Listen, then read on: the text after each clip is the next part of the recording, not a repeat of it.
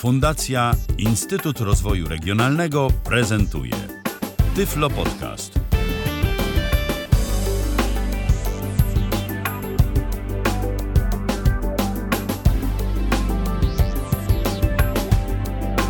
W kalendarzu mamy poniedziałek, to 22 dzień listopada 2021 roku. Witam bardzo serdecznie. Przy mikrofonie Michał Dziwisz, a dziś łączymy się z Bydgoszczą. Dziś po drugiej stronie naszego łącza witam Grzegorza Dudzińskiego, prezesa Fundacji Światłownia. Witaj Grzegorzu.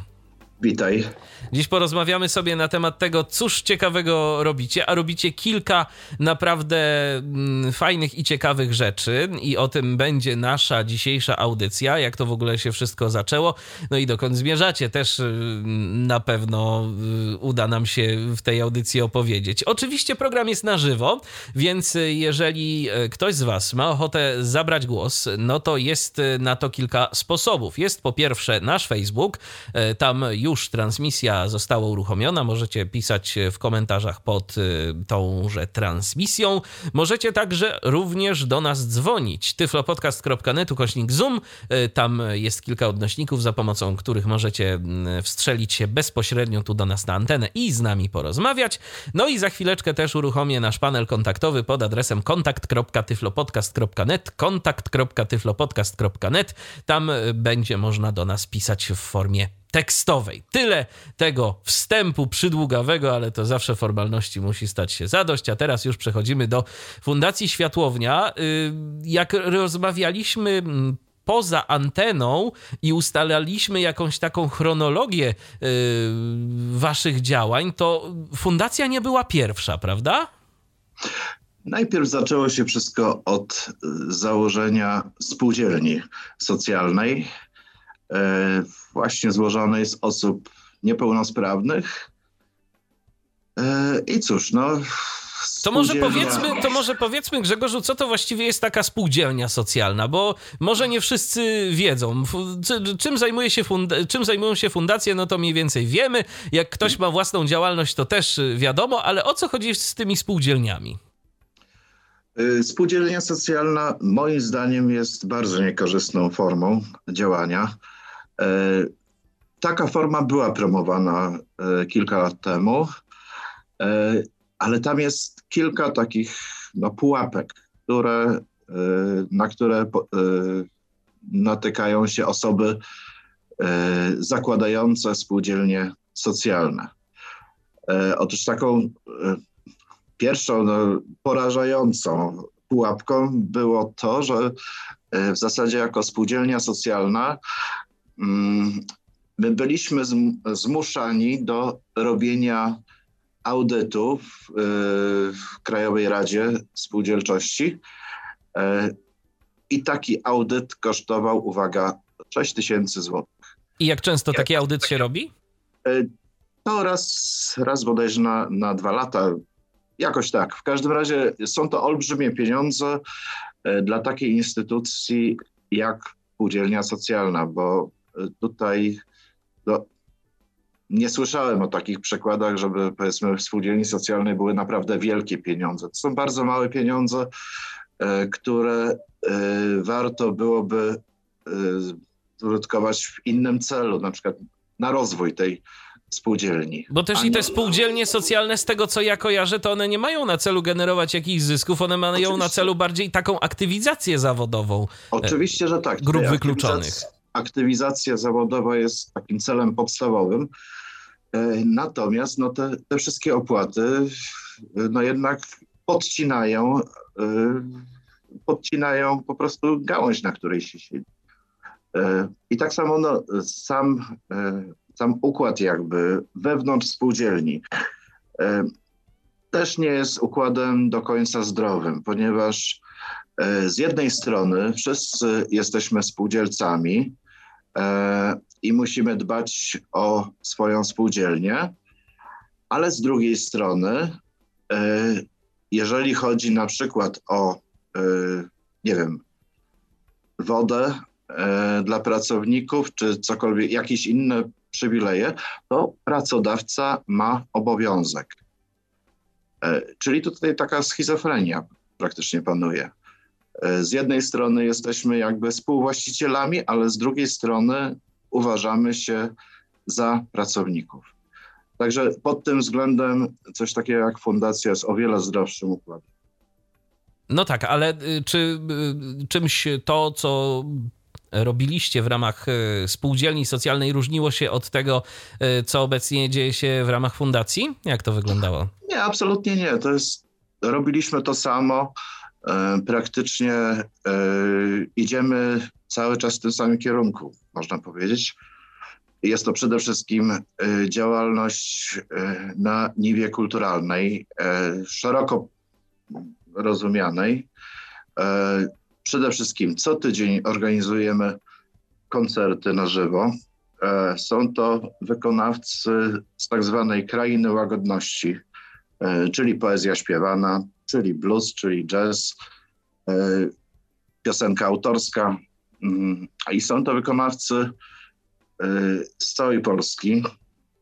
Bardzo różni wykonawcy i ci, którzy są znani w całej Polsce, y, znani, rozpoznawalni, nie wiem, typu Czerwony Tulipan, na przykład Marek Gałązka. Czerwony Tulipan to moje okolice. Bo to Czerwony Olsztyn. Tulipan, Czerwony Tulipan zresztą otwierał w ogóle światłownię. Jako pierwszy zespół wystąpił. E, tu taka ciekawostka, że wtedy jak bo to było 20, e, 20 października 2012 roku. Był pierwszy koncert w światłowni. E, I no, no oczywiście nie mieliśmy żadnych funduszy na to, żeby zapewnić honorarium. E, naszym gościom, którzy mieli wystąpić, a wy, wymyśliłem sobie, że fajnie by było, żeby to był czerwony tulipan. E, jako, że znałem jeszcze e, lidera e, czerwonego tulipana z czasów studenckich, zadzwoniłem do niego i mówię mu, że powstaje taka światłownia, że tutaj chcemy organizować koncerty. Wiesz, no nie mamy żadnych pieniędzy, na początek, żeby zapłacić, ale gdybyście na przykład przyjechali, to by było cudownie. I Stefan stwierdził, dobra, to słuchaj, to kiedy dokładnie mamy się pojawić? I się pojawili, zagrali piękny koncert. E, to było no, coś wspaniałego. I zresztą Stefan, e, zresztą Czerwony Tulipan pojawia się u nas e, stosunkowo często. Powiedzmy może tak, bo e, rozpoczęliśmy naszą audycję od e, właśnie informacji, że rozmawiamy na temat Fundacji Światłownia, ale właśnie Światłownia to można powiedzieć, że tak w waszym przypadku to jest e, coś, co ma wiele znaczeń, bo mamy fundację i to jest takie ciało prawne, które za tym wszystkim stoi, ale mamy też jeszcze otwartą przestrzeń Światłownia, tak, o której właśnie w tym momencie opowiadasz. Czyli to jest miejsce, gdzie odbywają się te koncerty. Tak, to jest miejsce, to jest y, kawiarnia artystyczna, w której mamy jedną salę, tak zwaną barową, i tam w tej sali barowej, y, no jak sama nazwa wskazuje, można, można skorzystać z baru, można zamówić pizzę, którą robimy od podstaw, y, a druga sala to jest sala koncertowa, właśnie na której odbywają się koncerty. Jako fundacja zresztą e, no, zajmujemy się nie tylko właśnie mm, samymi koncertami e, w światłowni. Organizujemy też na przykład e, raz do roku festiwal piosenek Jaska Kaczmarskiego Źródło wciąż bije. W tym roku to była już 16 edycja tego festiwalu. I taka nasza, że tak powiem, tematycznie impreza, czyli e, festiwal Widzących Duszą. E, w tym roku 11 edycja. Jest to festiwal mm, niewidomych i niedowidzących artystów, którzy co roku śpiewają inne piosenki u nas. A jakie były początki y, światłowni jako tej kawiarni artystycznej? Wchodząc na waszą stronę internetową, na stronę światłownia.eu, światlownia.eu, no to tam można poczytać, że wcale łatwo nie było i że nie zaczynaliście od takiego super fajnego lokalu, sporo musieliście zdziałać własnymi siłami. E, w zasadzie większość musieliśmy zrobić e, własnoręcznie bo wprowadziliśmy się e, tutaj na Świętej Trójcy 15 w Bydgoszczy. To był lokal, który przez dwa lata nie miał żadnego gospodarza. Teoretycznie e, był e, nadzorowany przez ADM, czyli Administrację Domów Miejskich, no ale skutkowało to tym, że na przykład drzwi były kompletnie zdewastowane, każdy mógł wejść do środka. Wszystko, co miało jakąkolwiek wartość e, na, e, na złomowisku, po prostu zostało wycięte. E, no, obraz nędzy i rozpaczy, jakieś właśnie zacieki na ścianach, grzyb i tak dalej, i tak dalej. Praktycznie trzeba było zaczynać właśnie od założenia kanalizacji porządnej, od e, odgrzebienia, od e, totalnego remontu e, wewnątrz, nowe, nowe przewody elektryczne, nowe grzejniki, piec nowy. No, w zasadzie to już... Wszystko nowe. Zostały stare tylko ściany. No. tak, to, tak to było ale się udało. Przy pomocy tak. dobrych ludzi, jak rozumiem. Oczywiście, że tak. No, tutaj e, stopniowo e, ta światłownia coraz bardziej rozkwitała, bo e, na przykład jeden z przedsiębiorców bydgoskich był kiedyś na koncercie i zauważył, że w sali koncertowej mamy jakieś takie koszmarne jednoszybowe okno, E, no, przez które wiatr hula e, i zrobił na zamówienie e, piękne trójszybowe okno, no, które teraz idealnie służy, bo wytłumia dźwięk ulicy i można w świetnych warunkach po prostu słuchać tego, co artyści mają nam do powiedzenia. Tak samo znalazł się sponsor na witrynę taką, znaczy okno takie główne w światłowni, na drzwi wejściowe do światłowni, także no to stopniowo stopniowo coraz, coraz bardziej ten lokal piękniał. Też udało, udało mi się napisać e, kilka projektów e, w ramach infrastruktury w kulturze e, i tu też mogliśmy nieco poszerzyć swoje wyposażenie. I w tej chwili e, na przykład mamy wspaniałe pianino elektroniczne. To nie keyboard, tylko właśnie pianino. E, mamy świetny sprzęt nagłaśniający, e, świetne oświetlenie, także warunki dla występów są naprawdę rewelacyjne. No i jest zresztą komu występować. Gdybyś mógł powiedzieć o tym, kogo można zobaczyć na scenie światłowni. Wspomniałeś y, chociażby o zespole Czerwony Tulipan, ale też sporo osób y, z naszego środowiska, y, sporo osób niewidomych również się pojawia, prawda? Bardzo dużo. Nawet właśnie e, od dwóch lat e, udaje nam się realizować w światłowni taki projekt Muzyka płynie bez barier. I tutaj właśnie e, dzięki te, temu projektowi możemy zaprosić osoby niepełnosprawne. Siłą rzeczy, no jakby najbardziej y, ciągnę w kierunku e, swoich, czyli po prostu osób niewidomych. Czyli tutaj Daria Barszczyk ostatnio występowała E, za chwilkę będzie występować Agata Zakrzewska. E, będzie też jeszcze w tym roku Leszek, Leszek Kopeć. E, wiele osób właśnie niewidomych czy też niedowidzących, e, niezależnie od festiwalu Widzących Duszą, właśnie pojawia się u nas na, e, ze swoimi recitalami. A jak to jest? To do was można się zgłosić, że chce wystąpić, czy raczej ty wyławiasz takie talenty i ty wysyłasz zaproszenia? To różnie. To niektóre osoby się zgłaszają same, a, nie, a niektóre po prostu e, jakoś, jakoś właśnie, tak jak powiedziałeś, wyławiam. Przypomina mi się taka historia właśnie o pewnej e, dziewczynie z Bydgoszczy.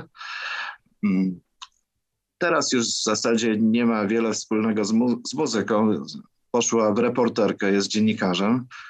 E, natomiast kilka lat temu e, usłyszałem ją e, przechodząc w Bydgoszczy pod rondem Jagiellonów. No to była niesamowita historia, bo było bardzo zimno. Wszyscy ludzie szczelnie zakryci kurtkami, czapkami i tak dalej. I nagle w, ty, w tym mrozie, w, w, tych koszmarnych warunkach, nagle piękny głos y, kobiecy. Y, dziewczyna właśnie stała pod rondem, grała na gitarze i śpiewała. Pięknie śpiewała.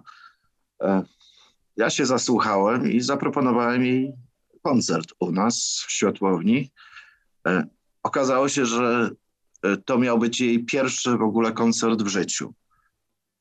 E, przyszła, zagrała, zaśpiewała i po prostu zachwyciła wszystkich widzów, bo naprawdę, naprawdę było czego posłuchać. Także e, u nas występują i te osoby takie właśnie z górnej półki. E, nie wiem, Edyta Geppert, e, Czyli po prostu znane nazwiska, tak? Machalica, e, czy też e, Ada Biedrzeńska ostatnio, e, Jacek Wójcicki, mm, Alosza Awdiejew, ale też właśnie takie osoby, które po raz pierwszy występują na scenie, czy w ogóle stawiają pierwsze swoje kroki na scenie. I te właśnie koncerty są też bardzo ciekawe i Wiele osób, które zaczynały światłowni, e, no teraz już są bardzo rozpoznawalne, nazwijmy to. No to bardzo dobrze i tylko się cieszyć, że wypuszczacie takich artystów. Nie, to jest, to jest zasługa tych artystów. No ale dajecie też, tak, przestrzeń. tak, dajecie przestrzeń, tak, gdzie mogą się zaprezentować.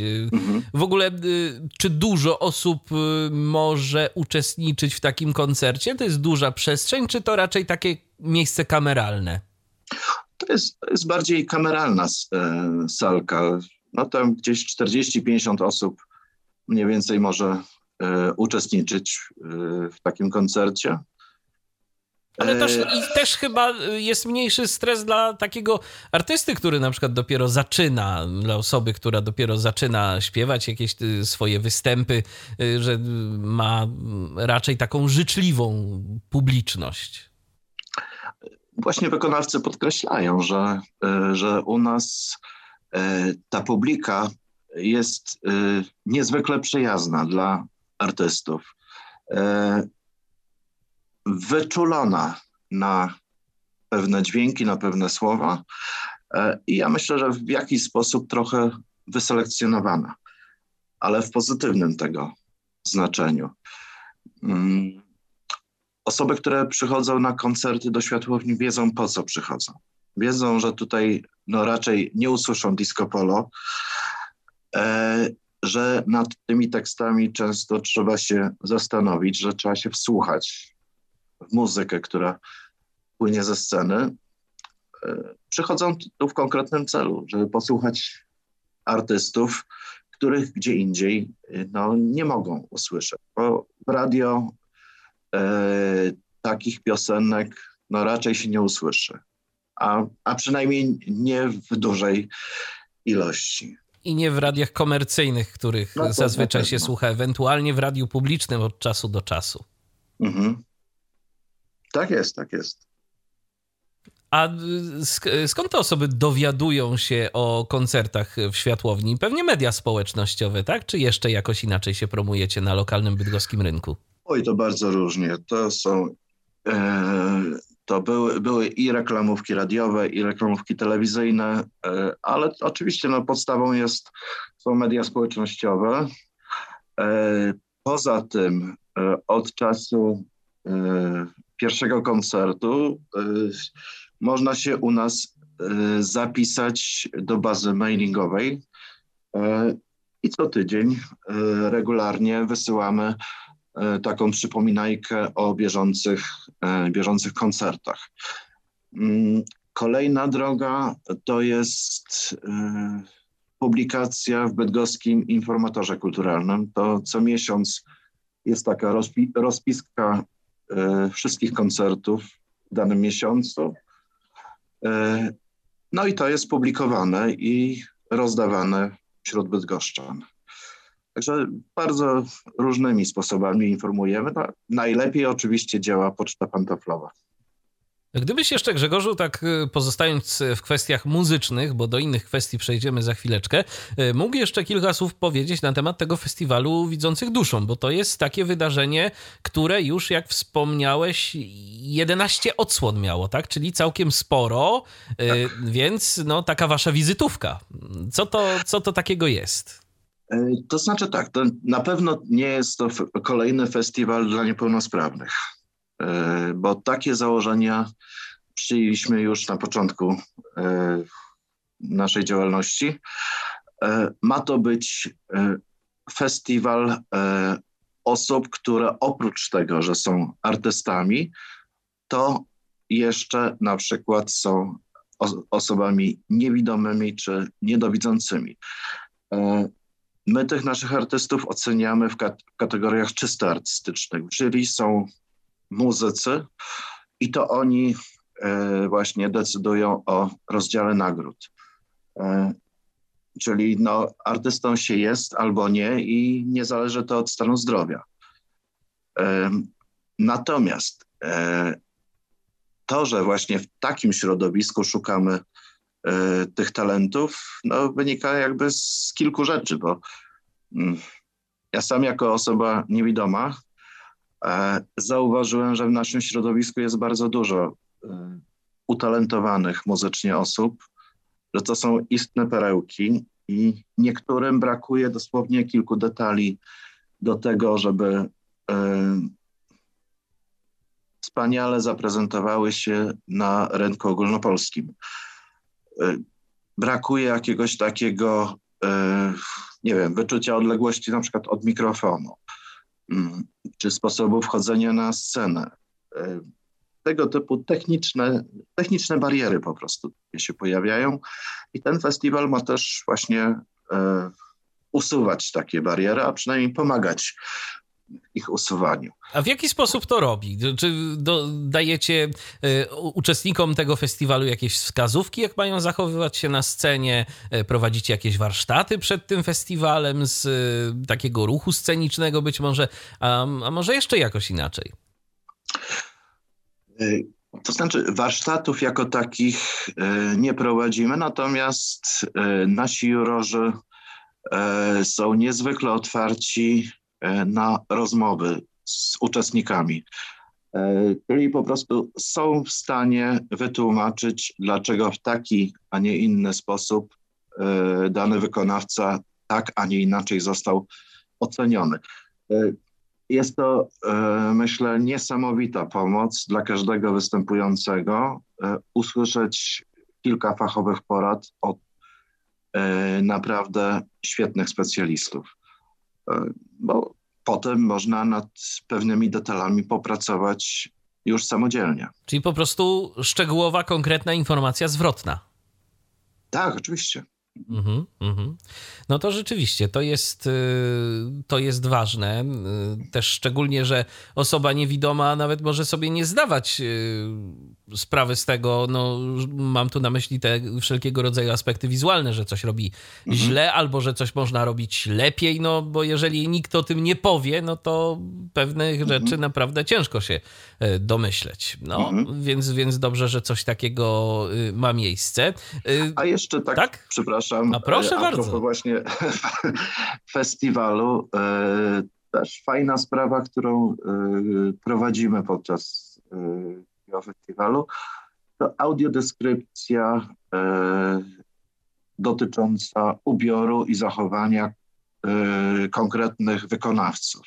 Czyli nasi konferencjerzy, oprócz tego, że opowiadają o piosenkach, o twórcach tych piosenek, e, trochę historii z, z powstawania danych utworów, to jeszcze też opisują, że na przykład dana wykonawczyni jest ubrana w czerwoną sukienkę na ramionczkach i tak dalej, i tak dalej. Wszystko po prostu tak, żebyśmy mogli sobie to wyobrazić.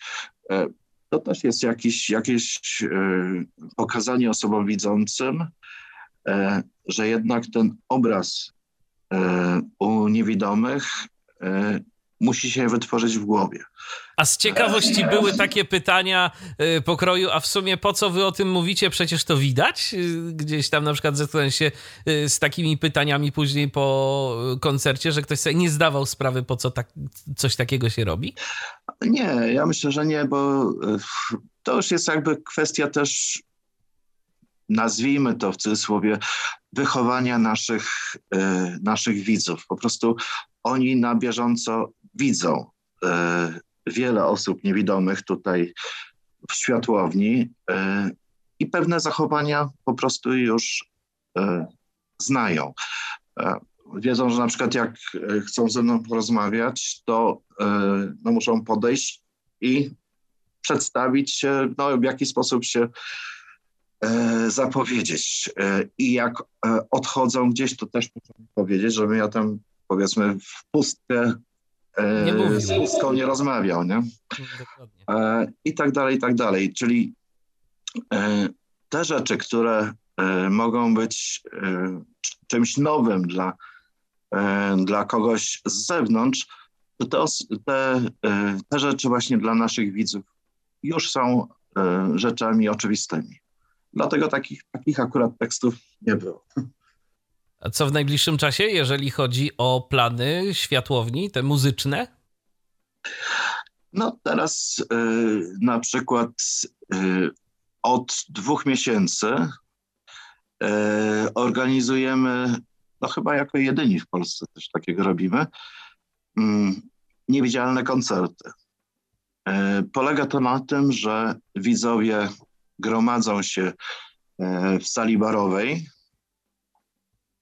światłownia jest całkowicie wyciemniona, gaśnie światło e, i wtedy osoby niewidome przeprowadzają widzów na salę koncertową, bezpiecznie sadzają tych widzów w krzesłach i potem y, mamy koncert, oczywiście z udziałem widzących muzyków, którzy w tym momencie grają w absolutnych ciemnościach. Także to wyzwanie jest e, zarówno e, dla nas, jako dla organizatorów, żeby to wszystko logistycznie ogarnąć, e, dla widzów, ponieważ no, te kilka kroków jednak w ciemnościach muszą przejść ze świadomością, że nad ich bezpieczeństwem czuwa no, niewidomy, tak? Potem koncert, wysłuchać koncertu właśnie w całkowitych ciemnościach, ale w otoczeniu innych ludzi. Też zupełnie coś innego, coś, czego nikt jeszcze z, e, z naszych widzów nie przeżywał wcześniej. Natomiast dla muzyków jest to olbrzymie wyzwanie, bo tutaj to już niestety muszą wszystkie teksty znać na pamięć pierwszy raz w życiu. E, muszą uważać, e, powiedzmy, jak zmieniają chwyty, żeby złapać na odpowiednim progu i tak dalej, i tak dalej. Te rzeczy, które normalnie ogarniają bez problemu wzrokiem, to teraz muszą sobie poradzić bez wzroku. No i jak sobie ci widzący muzycy radzą? Oj, bardzo, bardzo różnie. Bardzo różnie. Teraz mieliśmy w sobotę właśnie taki niewidzialny koncert z udziałem, początkowo miał, miał to być duet Banjo Boys, ale potem kilku kolegów pozazdrościło im możliwości występu w ciemnościach i tak się stworzył czteroosobowy duet, czyli już zespół. I tutaj pro, e, trudność była naprawdę no, niesamowita, bo oprócz tego, że każdy z nich musiał sobie poradzić z graniem indywidualnie, to jeszcze musieli równo wystartować jako zespół. Także to, że sobie poradzili, ja jestem pod wielkim wrażeniem, bo, bo to było naprawdę trudne wyzwanie. Natomiast e, tak jak rozmawiałem właśnie z nimi, e, czy z nimi, czy z poprzednimi właśnie, którzy e, też w ciemnościach grali, opinia jest jedna, że po raz pierwszy tak, tak byli skupieni na, na grze, na śpiewie podczas właśnie koncertu. I o dziwo ta więź pomiędzy widownią a artystami e, była o wiele większa, o wiele lepiej wyczuwalna. No bo tu skupionym być, bo tu skupionym być trzeba. Y, tak, oczywiście. Trudno tu się już, rozproszyć. Tu już jak, jak powiedzmy, jak e, nie wiem, wczoraj na przykład była taka sytuacja, że perkusista odłożył na chwilę pałeczki. To pewnie ich potem szukał. zastanawiał, czy je znajdzie. koniec końców znalazł, ale no jest to taka, taka trudność, której, y, na którą wcześniej no, nie zwracali uwagi. Czyli to jest tak naprawdę y, taka nauka dla wszystkich, zarówno dla tych na widowni, jak i tych na scenie. I sobie myślę, że chyba nawet dla tych na scenie zdecydowanie większa, mimo tego, że mają doświadczenie z występami publicznymi, ale to jest jednak coś nietypowego. To jest coś, mhm. co zazwyczaj jak powiedzmy wyłączą prąd, wyłączą oświetlenie, to się koncert przyrywa, a tu y, to jest sytuacją normalną, że, że tego światła nie ma. Tak. I trzeba tak. sobie radzić. E, ja myślę, że to e, to jest też y, oprócz, oprócz y, jakby wrażenia pewnej niesamowitości, pewnej nowości, y, taki właśnie niewidzialny koncert, jest też tym, co światłownia robi oprócz muzyki, czyli jest autentyczną likwidacją barier, bo, bo tutaj to zauważ, że jest jakby zupełnie odwrócenie ról to niewidomi w zasadzie są tymi osobami, które e, dbają e, o osoby widzące, a osoby widzące w ciemnościach e, są całkowicie zagubione. To się zgadza. To się zgadza i to jest rzeczywiście coś, co no, w ten sposób akurat to podejrzewam, że tylko wy robicie, chociaż no, w Polsce też mamy y, troszkę różnych y, instytucji, które również działają w ten sposób, czyli że mamy coś w ciemności, no ale to są różne rzeczy, ale to dobrze, że to, że to są różne rzeczy, bo można różnych y, tematów spróbować właśnie od tej strony mhm. innej dla każdego, kto na co dzień posługuje się wzrokiem. Tak jeszcze, mm, no nie mogę tego pytania nie zadać. Za nami rok 2021, a wcześniej no już się kończy praktycznie, ale wcześniej mieliśmy ten rok 2020, który podejrzewam, że był rokiem ciężkim dla wszystkich, którzy zajmują się kulturą. Jak wy sobie radziliście wtedy? To znaczy tak, y, w naszym przypadku nie zadziałała żadna starcz. Y, to znaczy, y, nie obejmowała nas tarcza dla przedsiębiorców, ponieważ no, nie jesteśmy przedsiębiorcami, tylko działamy w ramach tak zwanych działań statutowych fundacji. Natomiast jeżeli chodzi o tarczę dla organizacji pozarządowych, E, to z kolei tutaj paradoksalnie robimy za dużo. Po prostu e, ta poprzeczka pomocy dla organizacji pozarządowych ustawiona była na e, obrocie podkreślam, obrocie, nie zysku, bo tutaj o zysku nie mówimy, obrocie 100 tysięcy złotych. Nie jest to dużo, jeżeli się chociażby robi dwa ogólnopolskie festiwale z, ze sporymi budżetami. Także... Ale to był obrót w skali rocznej? Rocznej, tak, rocznej. No to jest bardzo niewiele. To jest bardzo niewiele, dlatego no, ta tarcza też nas nie objęła. I jedyne, co nas uratowało, e, to po prostu projekty, które pisaliśmy wszędzie, gdzie tylko można. Gdzie się tylko e, jakiś e, konkurs pojawił, to na ten konkurs pisaliśmy. E, I do Ministerstwa Kultury, i tutaj do marszałka e, i do różnych organizacji. Także no, dzięki temu, dzięki temu mogliśmy w jakiś sposób organizować dalej koncerty. Bo to było jakby najbardziej istotne, żeby, żeby nie przerwać. Bo jeżeli byśmy przerwali, to no to pozamiatane to po prostu nas nie ma i tyle. Ale te koncerty były realizowane online, czy, czy jak? No tak, bo wtedy tak, nie bardzo tak. można wtedy, było kiedy... mieć publiczność. Mhm. Wtedy, kiedy nie można było mieć publiczności, to robiliśmy koncerty online. E, jak można było już puszczać, to wtedy wpuszczaliśmy i na tej zasadzie to funkcjonowało. E, kilka razy też e, mieliśmy no, zbiórki takie publiczne, organizowaliśmy na światłownie, także kilka rachunków dzięki temu też się udało opłacić. No.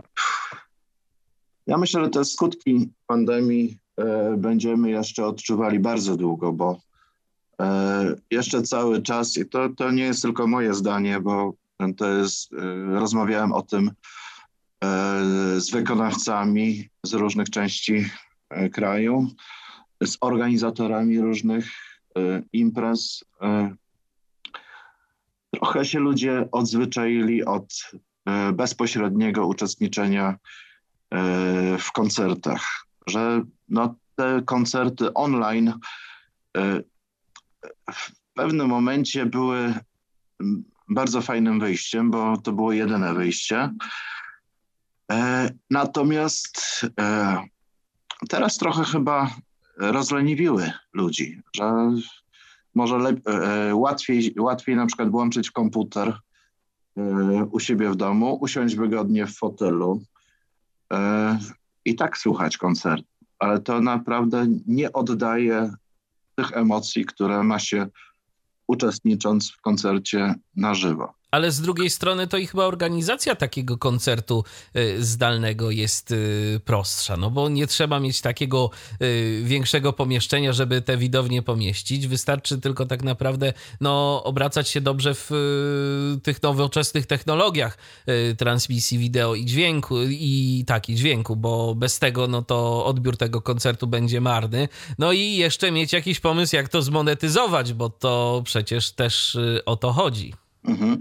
E, tak, znaczy to raz, że właśnie trudno w jakiś sposób to przełożyć na e, środki finansowe, to raz, ale druga sprawa, myślę ważniejsza. E, ja nie chciałbym, żebyśmy, żebyśmy zamieniali taki koncert na żywo, bezpośredni, bezpośrednim sąsiedztwie artysty, mm, na jakiś taki przekaz elektroniczny. To nie jest to. To, mm, to są zupełnie inne emocje. Tutaj, jeżeli się jest na, na sali y, i słucha się tego koncertu na żywo, to to jest potężne przeżycie. A tak, taki obrazek, taki filmik z internetu, no, słabe. No jest to coś zupełnie, zupełnie innego, chociaż podejrzewam, że i znajdą się zwolennicy takich koncertów i, i takich. I teraz po prostu rzecz polega na tym, żeby zarówno jednym, jak i drugim wyjść naprzeciw. No i oby to się wszystko udawało. Ale teraz coś, yy, odchodząc trochę od tej mm, sfery muzycznej, to przenieśmy się do drugiej sali mm, światłowni, bo tu oprócz muzyki to można sobie też i zjeść. Ja sobie przejrzałem menu wasze, no to świat, światłownia pizzą stoi i to taką całkiem smaczną, sądząc po składnikach. Z ciekawości, skąd nazwy, bo one nie są takie bardzo typowe. Nie, to po prostu yy, trójkę, trzech znajomych sobie usiedliśmy yy, no i zaczęliśmy wymyślać nazwy. Po prostu, no, żeby były polskie, żeby były jakieś takie niecodzienne. Tak, czyli ja... jest na przykład pizza boryna, czyli jest na przykład yy, kłapołuch. zapach lasu, kłapołuch, tak.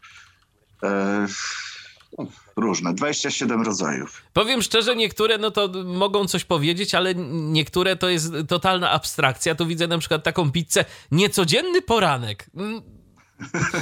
I bądź tu mądry człowieku i, i domyśl się o co chodzi i czego można się spodziewać. A widzę po składnikach, że mamy jajko, por, ser, sos i szynkę. No, nie spodziewałbym jest to, się. Jest to niecodzienny poranek. Zdecydowanie. Zdecydowanie jest to niecodzienny Albo poranek. na przykład y, pizza na trawce, tak? Mhm, no tak. Kurcza, no kurczak na trawce. Chyba kurczak tak? na trawce. Kurczak tak. na trawce. No, że coś zielonego i pewnie jakieś y, mięso do tego. A nie, to dobre masz skojarzenia.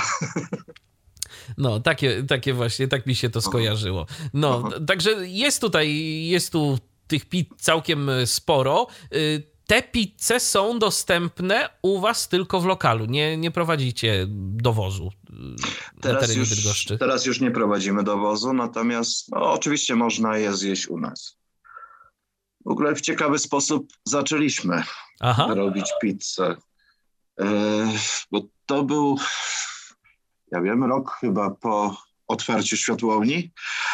Mm, na początku y, piekliśmy, znaczy piekliśmy, y, nasze kobiety piekły ciasta, e, jakieś kanapki, bułki, coś takiego.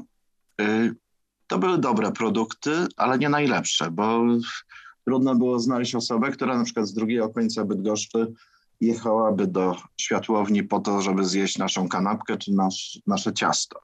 E, także na siłą rzeczy e, e, finansowo wychodziło tragicznie. Ja już byłem w takiej desperacji trochę, że no, poszedłem na pielgrzymkę pieszą do Częstochowy. No, w intencji znalezienia jakiegoś pomysłu na światłownię. E, okazało się, że na tę samą pielgrzymkę wybrał się bezrobotny pizzer e, z Solca Kujawskiego, to jest obok Bydgoszczy taka miejscowość. E, no i zgadaliśmy się, że fajnie by było wspólnie jakoś tę pizzę ruszyć. I, i tak właśnie powstała pizza w światłowni. Jak widać, pielgrzymki integrują po prostu.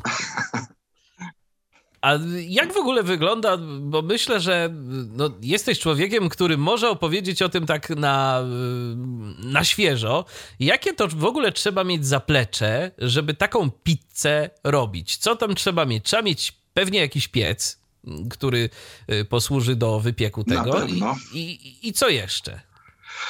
Oj, tutaj dużo rzeczy. Siatkę na przykład, na której się ciasto yy, formuje. E, no, specjalne takie noże do pizzy. No, wszelkiego typu produkty oczywiście. No to e, wiadomo. No. Same procedury są strasznie skomplikowane, bo tutaj Sanepid każdorazowo no, jakby takie warunki brzegowe stawia i trzeba E, się w tych warunkach zmieścić. E, no to, to na początku no, było dosyć sporo do przewalczenia, e, do przygotowania, no ale skończyło się dobrze. Bodajże w 2014 roku albo 2013 Gazeta Pomorska przyznała nam tytuł najlepszej pizzy w regionie. To, to gratulacje. Tak. To rzeczywiście, no to rzeczywiście, jak widać, opłacało się y, pójść tą drogą.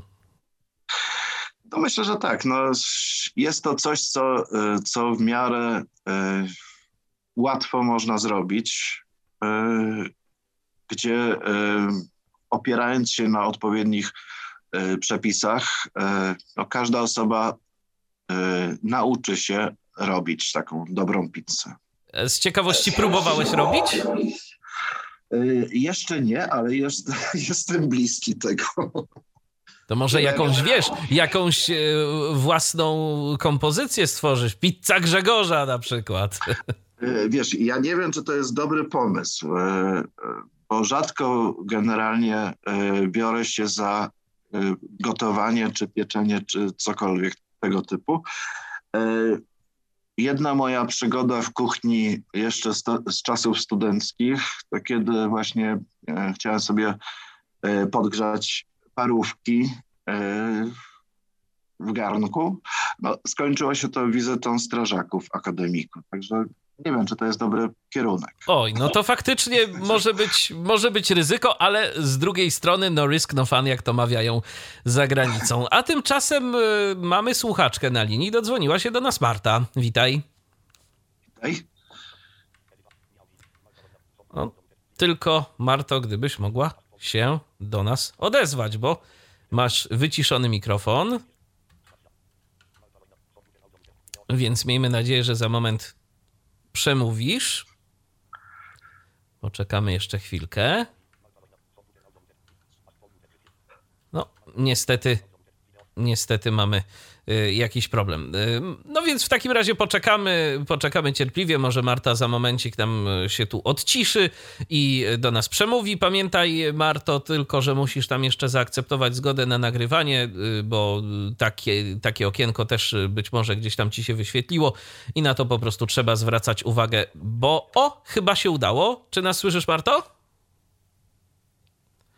O, Marta chyba ma w ogóle problem z mikrofonem. E, mam takie wrażenie, bo teraz widzę, że jest odciszona, a niestety no a niestety do nas, y, do nas nie mówi. No trudno, y, jeżeli, jeżeli macie ochotę, to wy również próbujcie do nas się dodzwonić, albo możecie zawsze napisać albo na, fejs na Facebooku, albo na kontakt.tyflopodcast.net, a my to wszystko y, bardzo chętnie będziemy czytać i będziemy o tym mówić, co do nas piszecie. Zatem zapraszamy, dzwonić też można jak najbardziej. Dobrze, no to wiadomo, że można, że można zjeść, wiadomo, że można posłuchać muzyki, ale Fundacja Światłownia zajmuje się też innymi y, rzeczami i między innymi prowadzicie takie działania y, świadomościowe, ja bym je tak nazwał. Bo instrukcja tak, tak. obsługi niewidomego to się tak nazywa.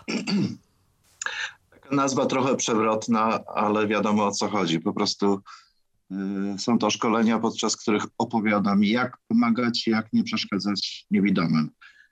I to zaczęło się bodajże trzy lata temu. E, poszedłem kiedyś do jednego z bydgoskich urzędów. Bez litość nie powiem, o który urząd chodzi. E, usiadłem przed biurkiem urzędnika i zapadła taka niezręczna cisza. Ja oczywiście słyszę, że ten urzędnik kręci się, wierci w tym krześle, mm, aż w końcu wypalił. E, wie pan, ja nie mam doświadczenia z osobami niewidomymi. Czy pan będzie rozumiał, jak ja do pana będę mówił? Oj, no. No to tak. ja na to mogłem odpowiedzieć równie głupio. E, tak, ale musi pan mówić bardzo powoli i bardzo wyraźnie. I wiesz, i wtedy e, ten urzędnik zrozumiał, że panu coś głupiego. Ja zrozumiałem, że coś jest nie tak na, na tym styku tego świata osób widzących i świata osób niewidomych. Że coś tu nie do końca gra, my się do końca nie rozumiemy i że trzeba w jakiś sposób to próbować przynajmniej zmienić. I stąd ten pomysł właśnie e, tej instrukcji obsługi niewidomego. E, byłem z taką instrukcją no już w kilkuset szkołach, tutaj w naszym regionie, poza naszym regionem. E, szkoliłem w ten sposób policjantów, strażników miejskich, strażaków, e, czy wreszcie urzędników. E, I tak myślę, że nawet, nawet sam zauważyłem, że tego typu szkolenia jednak, jednak coś, coś dają, bo miałem kiedyś taką historię tutaj, jak szedłem do światłowni. Ja jeszcze wtedy poruszałem się bez psa przewodnika. E, I akurat e, przy przejściu dla pieszych e, no, wyłączyli klikacze. Ja byłem trochę zdezorientowany, bo starałem się ustalić, co się stało i czy ja jestem w tym miejscu, w którym myślę, że jestem. Mm, po czym nagle tutaj obok mnie pojawia się jakiś mężczyzna. Dzień dobry, aspirant i taki. E, czy mogę panu pomóc przejść na drugą stronę ulicy? no, bardzo chętnie, bo no, tutaj faktycznie tych klikaczy nie ma. E, wolałbym się czuć pewnie. A on tutaj, proszę, jest y, mój łokieć. A ja, wow, no to proszę pana, no to widzę, że pan naprawdę fachowo podchodzi do sprawy, nie? A on do mnie, no, wie pan, no, miesiąc temu przecież byłem na tym pańskim szkoleniu w Komendzie Wojewódzkiej Policji. Nie pamiętam je pan? A więc jak widać, to się opłaca i, i to no, później procentuje nawet dla ciebie. Trudno jako... mi było go pamiętać, bo tam było stu policjantów. No oczywiście, że tak. Tymczasem zdaje się, że Marta opanowała swój mikrofon i jest z nami. Czy, czy tak jest, Marto? Halo? O, teraz, teraz Marta się wyciszyła. Spróbujemy odciszyć i może się może się uda, bo przed momentem było słychać, że Marta z nami jest. O, halo? Słychać jesteś, witaj. Witaj. Ktoś, y, Zoom się zbuntował i musiałam jeszcze raz się połączyć, bo w ogóle was nie słyszałam przez Zooma. Ale już e... działa. Ale już działa. Miło mi słyszeć Grzegorza, którego poznałam lata temu, y, mieszkając w województwie kujawsko-pomorskim. Pewnie mnie kojarzysz, Marta Woźniak Oczywiście, z tej strony. że cię kojarzę. Witaj. tak, i ja pamiętam te początki i Grzegorz mnie y, zaprosił. Ja mówię, no tutaj, ta, tutaj, y, tutaj właśnie sala ta barowa, to były takie, takie zwykłe stoły, pamiętam takie metalowe nogi, blaty takie czarne były. Ja mówię, no dobra, no Potem do toalety potrzebowałam. No mówi, no jeszcze tu nie jest tak zrobione, to wszystko będzie kiedyś zrobione, to od miasta mamy. No i w związku z tym mam pytanie, czy uważasz, że twoje marzenia się spełniły i czy coś jeszcze y, chciałbyś jeszcze zrobić w tej światłowni no jakie marzenia masz? Czy, czy to już jest wszystko, to co wtedy planowałeś, czy jeszcze jakieś pomysły się tworzą? Wiesz, ja cały czas marzę o takiej światłowni, która by była e, o wiele większa, e, jeszcze bardziej przyjazna dla osób niepełnosprawnych. E, no takie. Wie, o wiele większa, jak rozumiem, w sensie powierzchni, tak?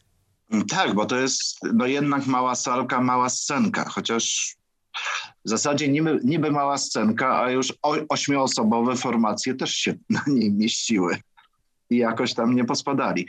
No oczywiście no, fajnie by było, żeby, żeby to było jeszcze większe, może w lepszym miejscu, może jakoś e, z jakimś parkingiem. E, ja cały czas nie wykluczam tego, że, że kiedyś może jakieś dobre wiatry E, jakieś kolejne pozytywne osoby pomogą w spełnieniu właśnie tych marzeń. Mhm. Teraz mieszkam daleko, to do Bydgoszczy. E, nie będę na razie przyjeżdżać, ale kusiły mnie e, pewne koncerty no, związane ja się... na przykład z, z mm, Antoni, Antoni, jak ma nazwisko, Muracki. nie, Muracki, tak, z Nochawicą tak związany. To mnie tak kusiło, no. No, ale nie mogłam. No i Daria Barszczyk, kawałek słucham ona i w ogóle muszę powiedzieć, że zdarza mi się podsłuchiwać online i właśnie tutaj ta e, pandemia się przy, przyczyniła do tego, że, że właśnie w tych koncertach trochę e, mm, świat, światłowni mogę, mogłam uczestniczyć. No i na pewno w zeszłym roku Pamiętam tak, słuchałam Czerwony Tulipan, który właśnie zespół poznałam przy mhm. okazji mhm. festiwalu Widzących Duszą i bardzo ten zespół mi przypadł do gustu. No jak usłyszałam, że będzie właśnie Czerwony Tulipan, to mówię, muszę tego posłuchać. Mhm. E, tak, tak, tak, tak. Tylko no, powiem, że ten bilet na przykład na Darię Barszczyk widziałam 40 zł, więc już trochę kosztuje. Nie, 20. Na Aha, Darię Barszczyk 20. Zespół, to, to może te, ci Banjo Boys, tak? Nie przekręcam tak, nazwy? Tak, 40 w, zł. w ciemnościach to jest właśnie y, koszt 40 zł. Mhm. Ale no to jest tak, że każdy, to, to od razu dopytam, to jest tak, że każdy koncert jest wyceniany indywidualnie, czy są y, jakieś konkretne stałe stawki y, biletowe? Nie, raczej są konkretne stawki, czyli obecnie wejściówka na koncert to jest 20 zł tak, e, taki bilet tak zwany normalny, a dla osób niepełnosprawnych i seniorów 18 zł. Mhm. Muszę przyznać, że ja tutaj, gdzie teraz mieszkam, to chodzę w takie miejsca, czasami mi się zdarza. Mm, to jest tutaj w Łodzi Papkeja lub Stara Szkutnia. Mhm. Też jestem fanką muzyką, e, muzyki szanty, takiej żeglarskiej. Mhm. W, Warszawie chodziłam do Gniazda Piratów, też to miejsce bardzo lubię. Tylko właśnie jest problem w tych miejscach z taką dostępnością ich, bo to, to często są miejsca, gdzie jest ciemno, ponuro, gdzieś jakaś tylko świeczka świeci. Do baru, żeby się dostać, jest hałas duży. No i najlepiej z kimś widzącym iść albo po prostu liczyć na, na pomoc obsługi, a to jest y, ciężko, tak? Ja myślę, że światłowni nie ma takich problemów.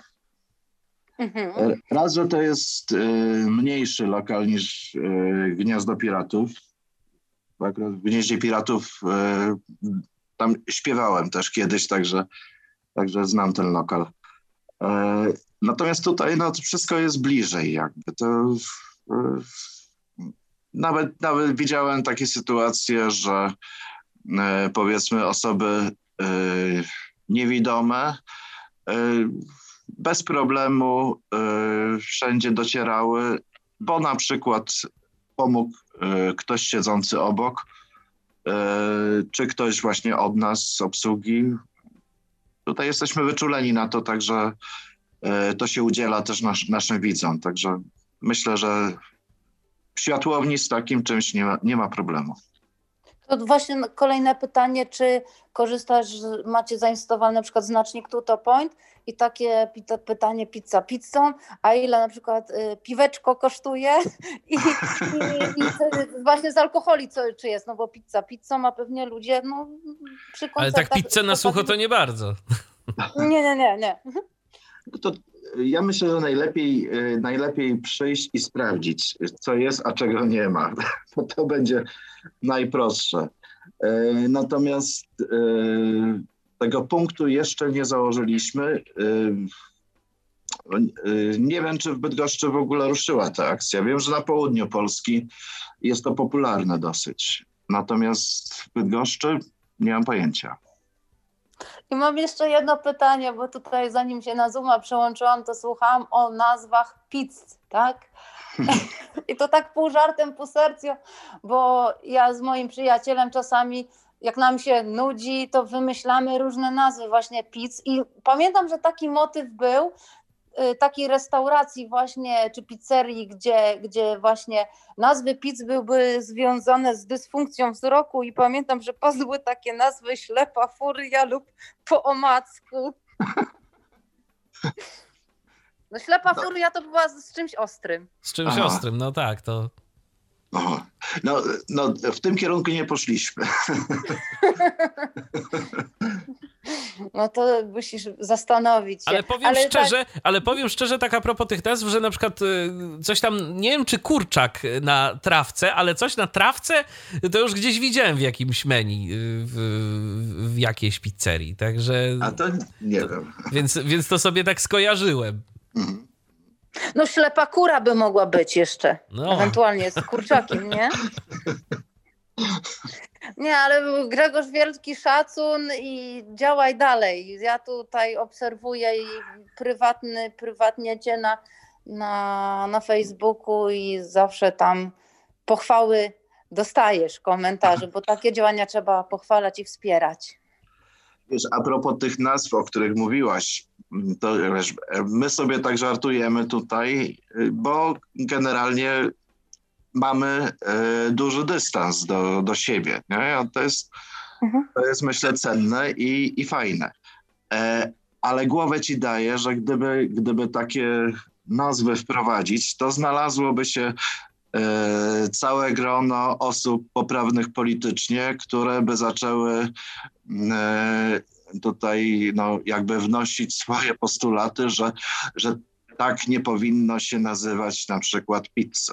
I myślę, tak, że to tak, nie tylko byłyby i myślę, że to nie tylko byłyby osoby widzące, ale też i niektóre osoby niewidome. No to jest wszystko kwestia jakiejś A, takiej, tak. powiedziałbym, wrażliwości yy, czy, czy, czy, czy, jakiegoś takiego, no właśnie, poczucia dystansu do siebie, bo to też je, różnie humoru. bywa, tak, a poczucia tak. humoru też. I z tym dystansem naprawdę różnie bywa i czasem naprawdę trzeba, trzeba po prostu uważać.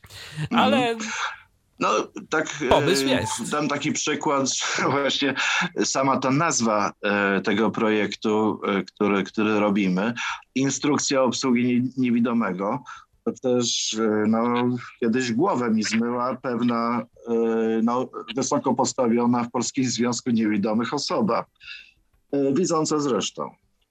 No z tego co wiem, to były różne tarcia na tej linii, na tej linii o ta organizacja wspomniana przez ciebie, a ty i, i dobrze, że, no, że wziąłeś sprawy w swoje ręce, tak uważam. Ja uważam, że to jest nasze wielkie e, nieszczęście właśnie osób niewidomych, całkowicie niewidomych, e, że my w, zasadzie nie mamy swojego przedstawicielstwa. E, bo Polski, w Polskim Związku Niewidomych jest według oficjalnych statystyk 5% tych naprawdę niewidomych. To myślę, że więcej, więcej w Polskim Związku Niewidomych jest cukrzyków niż, niż tych naprawdę niewidomych. Ja myślę, że wchodzimy na grząski teren, więc ja, ja się rozłączę i, i, i słucham dalej Was. Okej, okay, Marto, dzięki za telefon. Dziękuję. Do usłyszenia, dzięki. pozdrawiamy Cię serdecznie i oczywiście czekamy na Wasze kolejne telefony albo na Wasze komentarze, bo jest możliwość pisania pod transmisją na Facebooku albo na kontakt.tyflopodcast.net.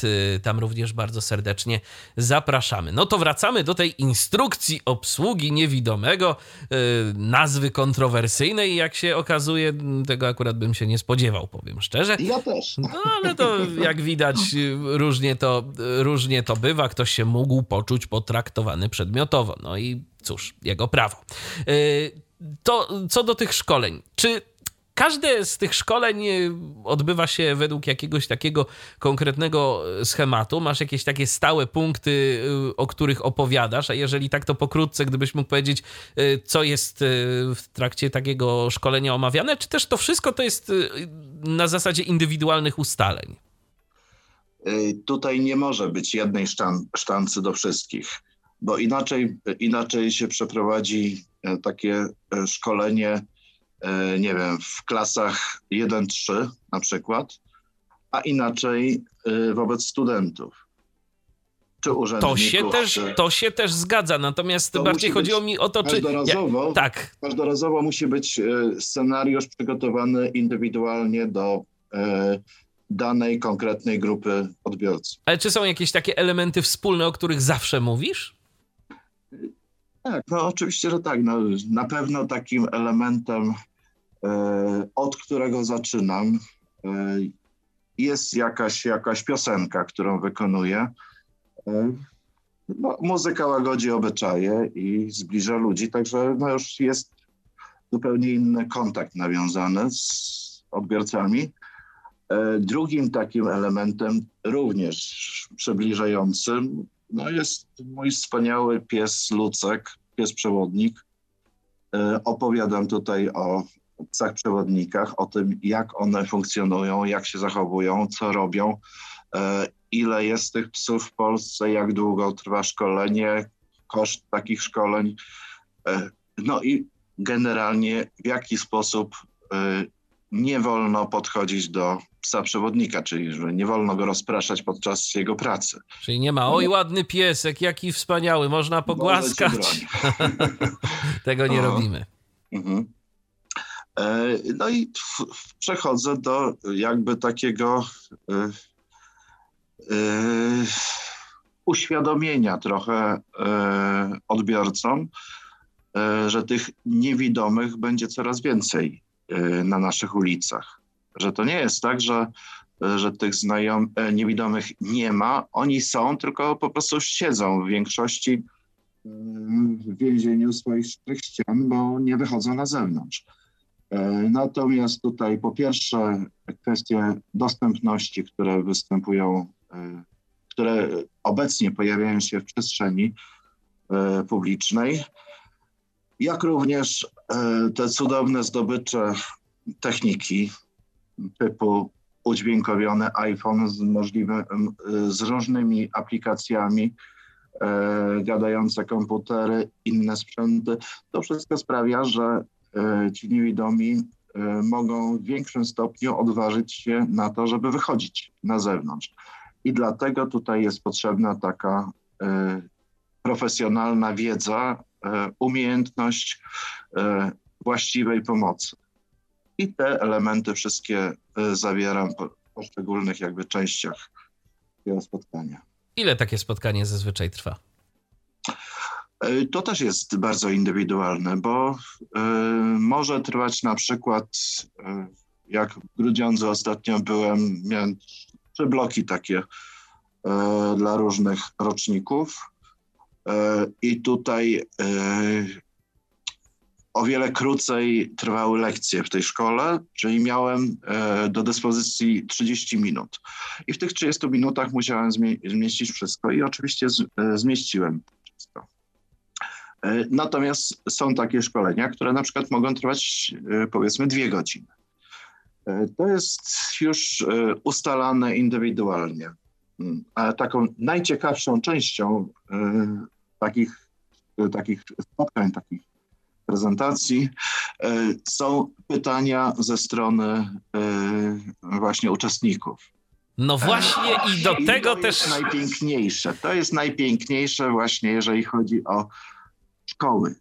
Ja uwielbiam po prostu takie spotkania z dzieciakami, które są niesamowicie otwarte. E, dla nich nie ma pytań, których nie, nie, nie wypada zadać one tutaj nie mają jakby zahamowań, że coś jest niepolityczne albo że tego o to nie powinno się pytać.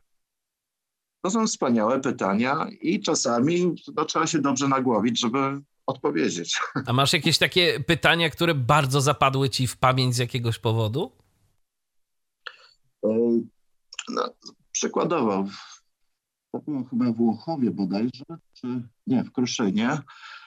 E, taka miejscowość pod Bydgoszczą, e, mała szkółka i, e, i właśnie małe dzieciaki, czyli to, to były, to mogły być, nie wiem, mogły mieć 8-9 lat, bardzo małe dzieciaki. I jedna dziewczynka zadała, zadała mi pytanie, jak pan śni?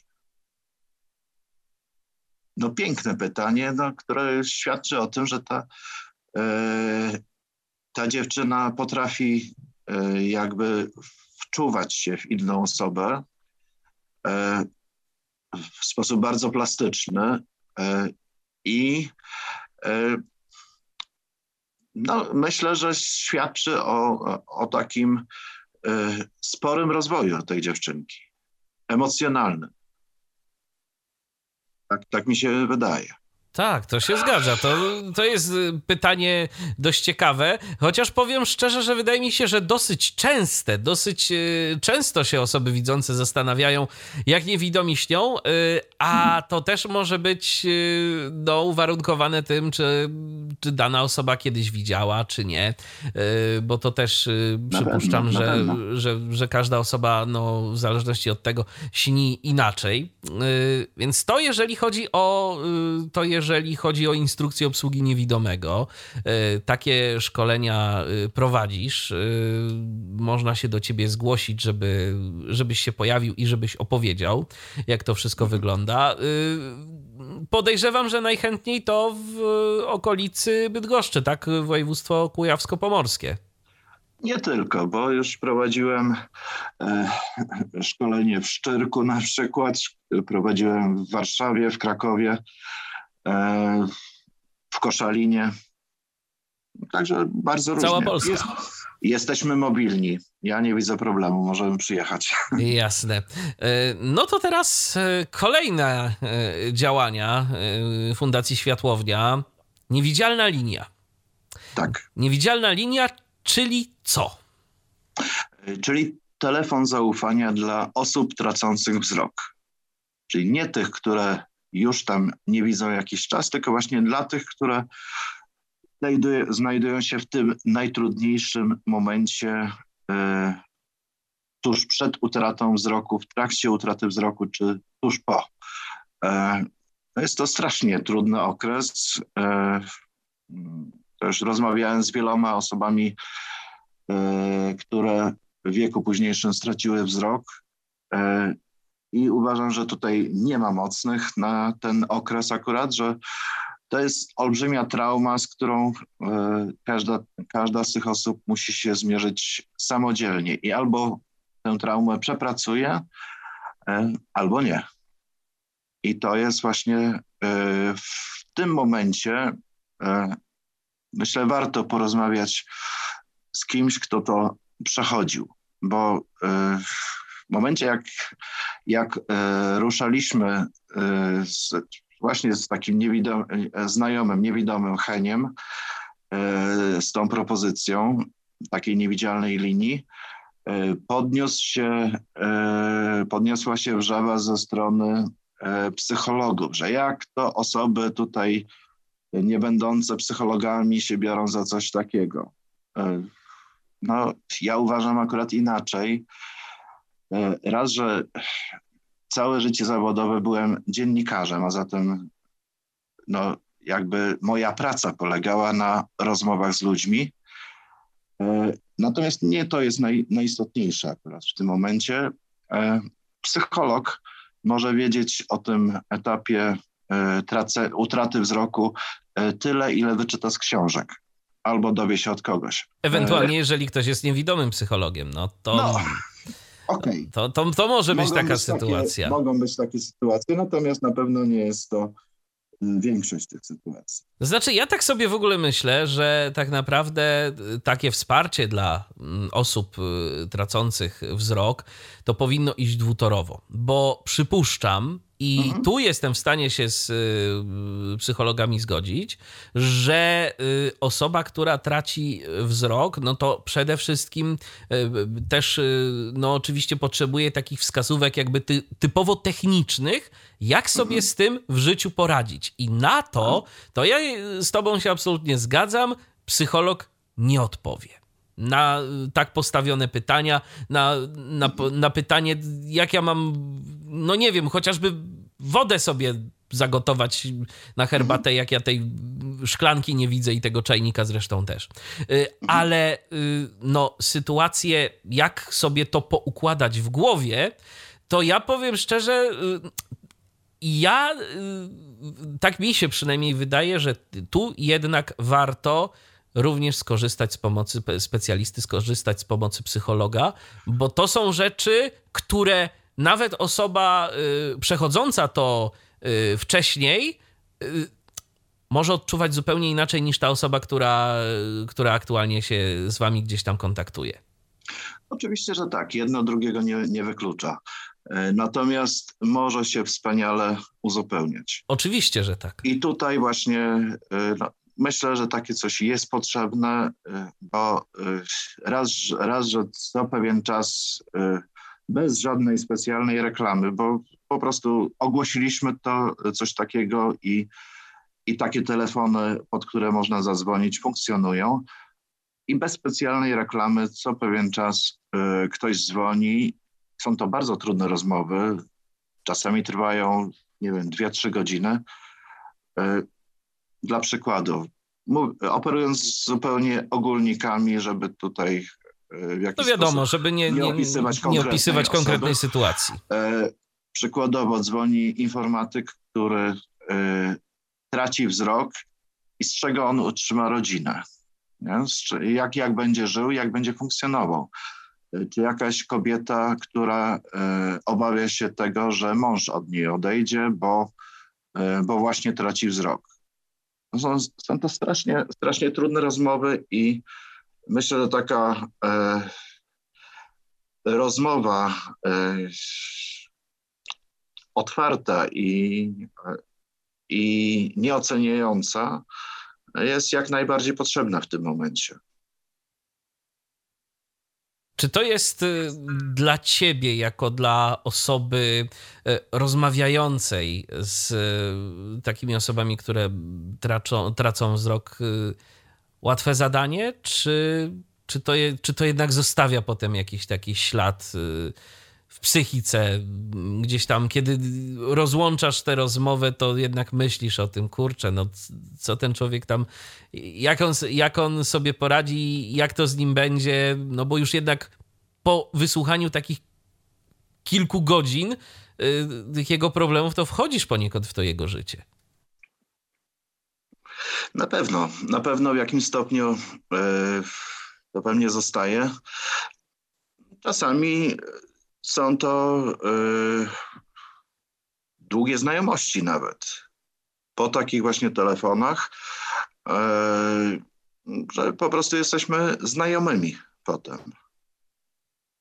I już yy, jakby, jakby właśnie tak no, w normalny sposób po prostu komunikujemy się ze sobą, jak trzeba czymś pomóc, czy o czymś porozmawiać.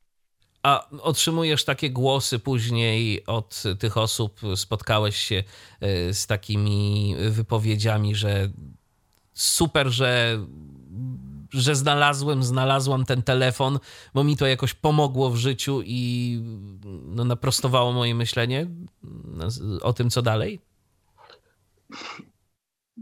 Ja nie, nie, nie wiem, czy, czy jest sens, żeby to tak artyk artykułować wprost, bo czasami są takie sytuacje, że ja wiem, że, że to wszystko pomogło, ale bym się głupio czuł, jeżeli by ktoś właśnie w ten sposób yy, opisywał moją rolę w tym wszystkim. No to teraz pytanie y, podstawowe i najważniejsze, bo myślę, że oczywiście y, wiadomo, jeżeli ktoś będzie chciał, wejdzie na stronę, ale przypuszczam, że mogą nas też słuchać osoby, które no mogą być w, takim, w takiej sytuacji, że nawet na tę stronę za bardzo wejść nie będą mogły, to może warto, abyś Grzegorzu podał numer telefonu, za pomocą którego się można skontaktować i w jakich godzinach może też. Jest to mój te telefon 509 76 76 89. No, w godzinach no, w takich w miarę normalnych. No. Żeby to nie były powiedzmy telefony w środku nocy, a tak w ciągu dnia to jeżeli nawet będzie sytuacja, że nie będę miał y, możliwości porozmawiania w danym momencie, bo na przykład będę, nie wiem, przy kasie w sklepie czy gdzieś e, w autobusie, to oddzwonię i możemy spokojnie porozmawiać. Okej. Okay. No to dobrze. To y, tak jeszcze przeglądając y, stronę Fundacji Światłownia, to y, widzę tu kilka interesujących elementów. Między innymi sklep, bo też sprzedajecie kilka rzeczy. Jeżeli ktoś miałby ochotę, jak rozumiem, was po prostu wesprzeć, tak? Bo to nie jest żadna działalność taka zarobkowa, tylko raczej na, na, na rozwój fundacji no, na, na przetrwanie tego miejsca. Mamy, tak. mamy koszulki z nadrukiem, e, z logotypem światłowni, mamy kubki właśnie z takimi nadrukami. Mamy też to ja, od razu za, to ja od razu zapytam, to skoro to jest audycja dla niewidomych, to jak wygląda logotyp światłowni? Pamiętasz może? E, pamiętam, bo sam, e, sam go, że tak powiem, opisywałem, jak to miało, miałoby wyglądać, bo jak na początku właśnie takie profesjonalne firmy nam porobiły logotypy. E, ja jeszcze wtedy trochę widziałem. Jak je zobaczyłem, to po prostu no, no nie, no nie.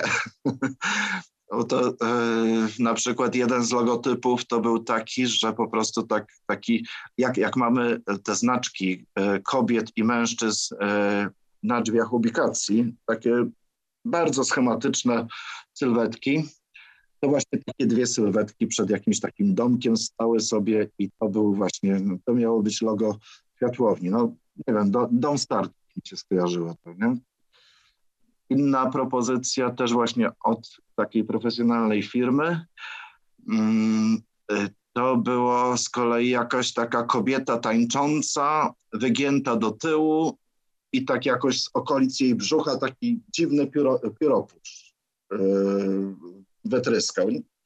Nie wiem, co to miało znaczyć. Ten, to światło może to właśnie.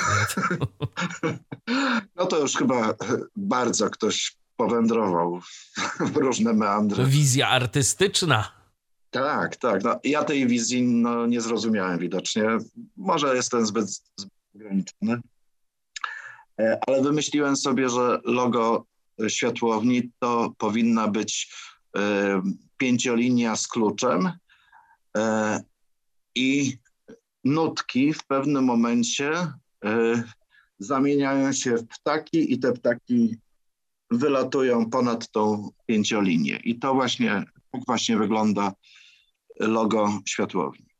I można takie logo y, mieć na koszulce, y, można ją sobie zamówić. Jak rozumiem, w rozmiarach różnych. Tak, oczywiście. W jakiejś też różnej kolorystyce, czy to jest yy, jedna? dobre pytanie.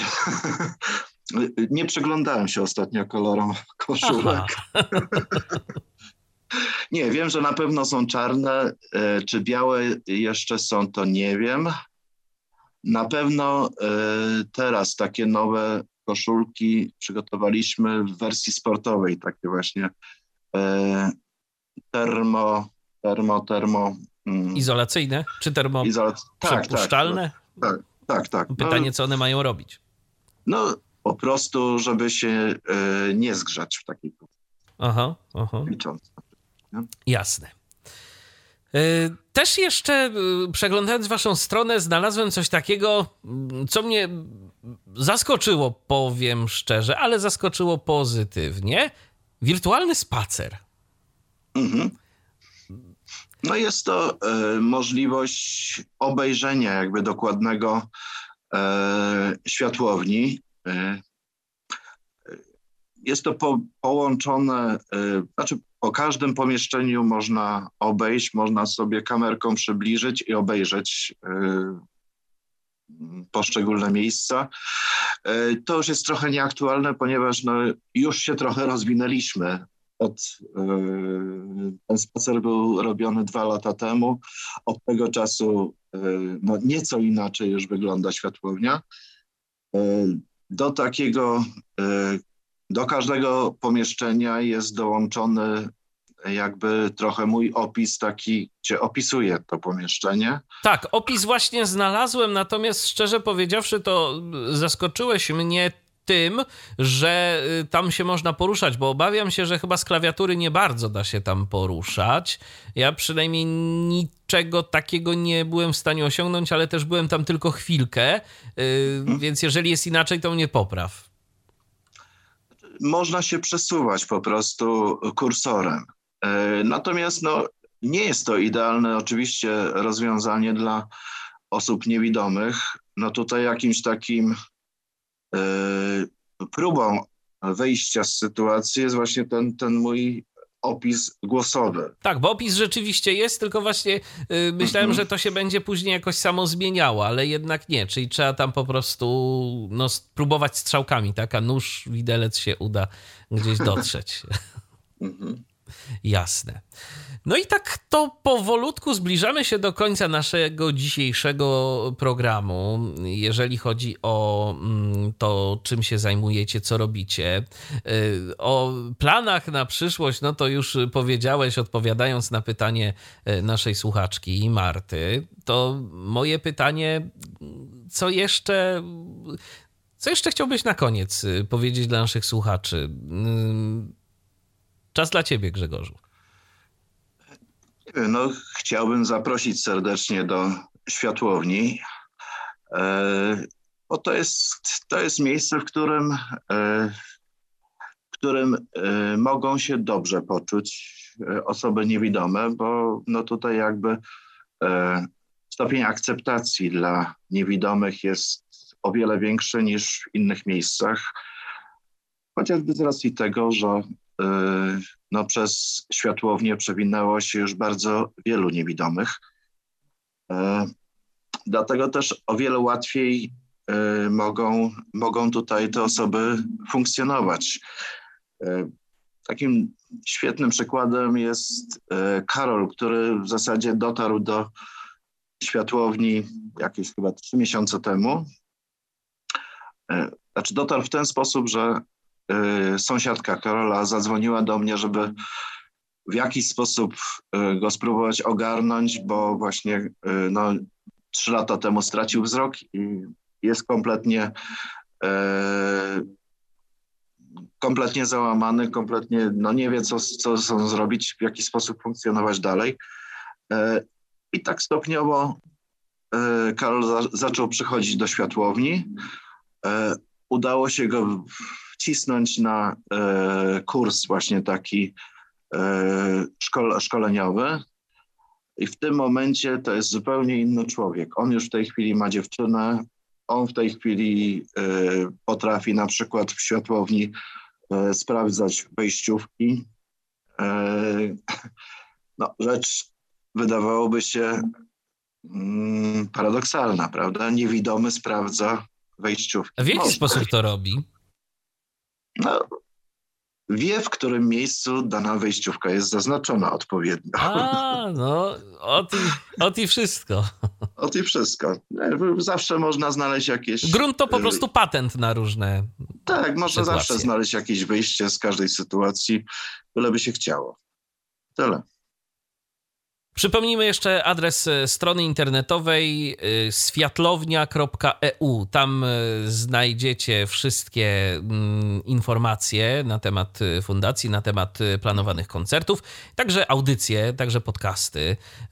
Sporo już ich tam jest, też można sobie przesłuchać. No i cóż, Grzegorzu, życzę powodzenia w dalszych działaniach, bo robicie naprawdę sporo fajnych rzeczy, o których warto mówić i no i róbcie tak dalej, i, albo jeszcze więcej. I smacznej pizzy. No to zapraszamy do światłowni na taką pizzę. Zapraszamy do światłowni, a jak, jak, jak będę w Bydgoszczy, to z miłą chęcią się do Was wybiorę. Y, przypomnę, Grzegorz Dudziński, prezes Fundacji Światłownia, był moim dzisiejszym gościem na antenie Tyfloradia. Y, no i tyle w dzisiejszym programie. Michał Dziwisz, kłaniam się, do usłyszenia, do następnego spotkania, a to spotkanie już we wtorek, już jutro po godzinie 20. Tyflo Przegląd na naszej antenie. Dziękuję bardzo. Był to Tyflo Podcast. Pierwszy polski podcast dla niewidomych i słabowidzących. Program współfinansowany ze środków Państwowego Funduszu Rehabilitacji Osób Niepełnosprawnych.